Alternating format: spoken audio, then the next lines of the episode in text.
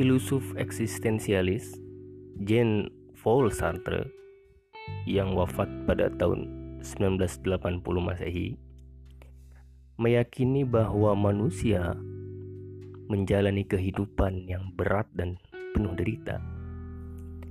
Bukan karena hidup itu mengerikan bagi Sartre karena manusia dikutuk untuk bebas jadi manusia semacam terlempar ke dunia untuk terus menjadi ada atau mengada dalam bahasa Sartre. Menyadari keberadaan itu kemudian akhirnya manusia harus membuat pilihan. Hmm, bahkan ketika manusia memutuskan untuk tidak memilih, itu sudah merupakan pilihan. Menurut Sartre, apa yang kita pilih menunjukkan bagaimana seharusnya kita menjadi manusia. Sebilah pisau punya esensi yang membuat dirinya menjadi pisau. Katakanlah esensi pisau adalah untuk memotong sayuran, daging, dan bahan-bahan lainnya. Jika pisau itu tidak digunakan untuk e, memotong sayuran misalnya, maka dia bukan lagi pisau. Jadi semacam ada esensi pisau dan esensi itu disebut dengan praeksis ya. Sebelum dia menjadi pisau, dia ada dalam kondisi praada. Pisau secara aktual. Gitu. Maksudnya apa kondisi praeksis ini? Maksudnya begini. Sebelum pisau ada, uh, si tukang yang membuat pisau ada dalam pikirannya gambar pisau. Bukan hanya gambar tapi tujuannya, uh, kegunaan alat itu.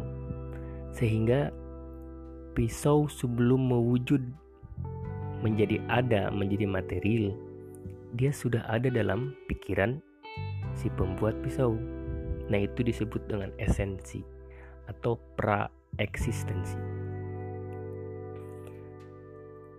Namun bagi Sartre, persoalannya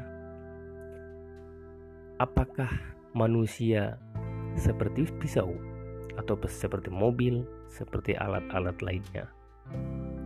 Bagi Sartre, manusia tidak seperti pisau.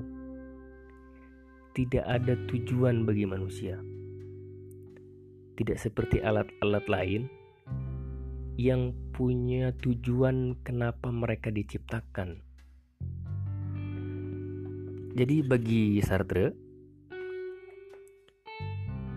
uh, tidak ada plot, tidak ada desain, tidak ada tujuan yang mengharuskan manusia melakukan ini, melakukan itu. Uh, dalam bahasa kasarnya, tidak ada Tuhan yang menulis jalan cerita dan tujuan untuk manusia. Selebihnya, tidak ada seorang pun di dunia ini yang memaksa orang lain harus bagaimana hidup seharusnya. Dalam kuliahnya Nietzsche, maaf, dalam kuliahnya Sartre pada tahun 1945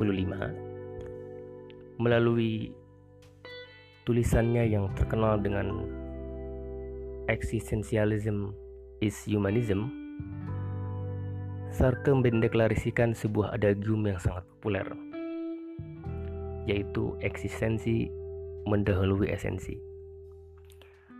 Ungkapan ini kemudian menjadi prinsip fundamental bagi madhab filsafat eksistensialisme.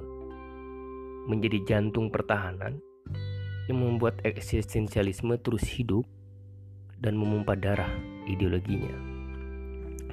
Terakhir saya ingin membacakan uh, ucapan Sartre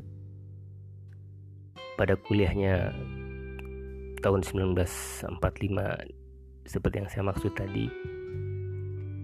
Uh, di atas podium saat itu saat dia menjelaskan eksistensi mendahului esensi dia berkata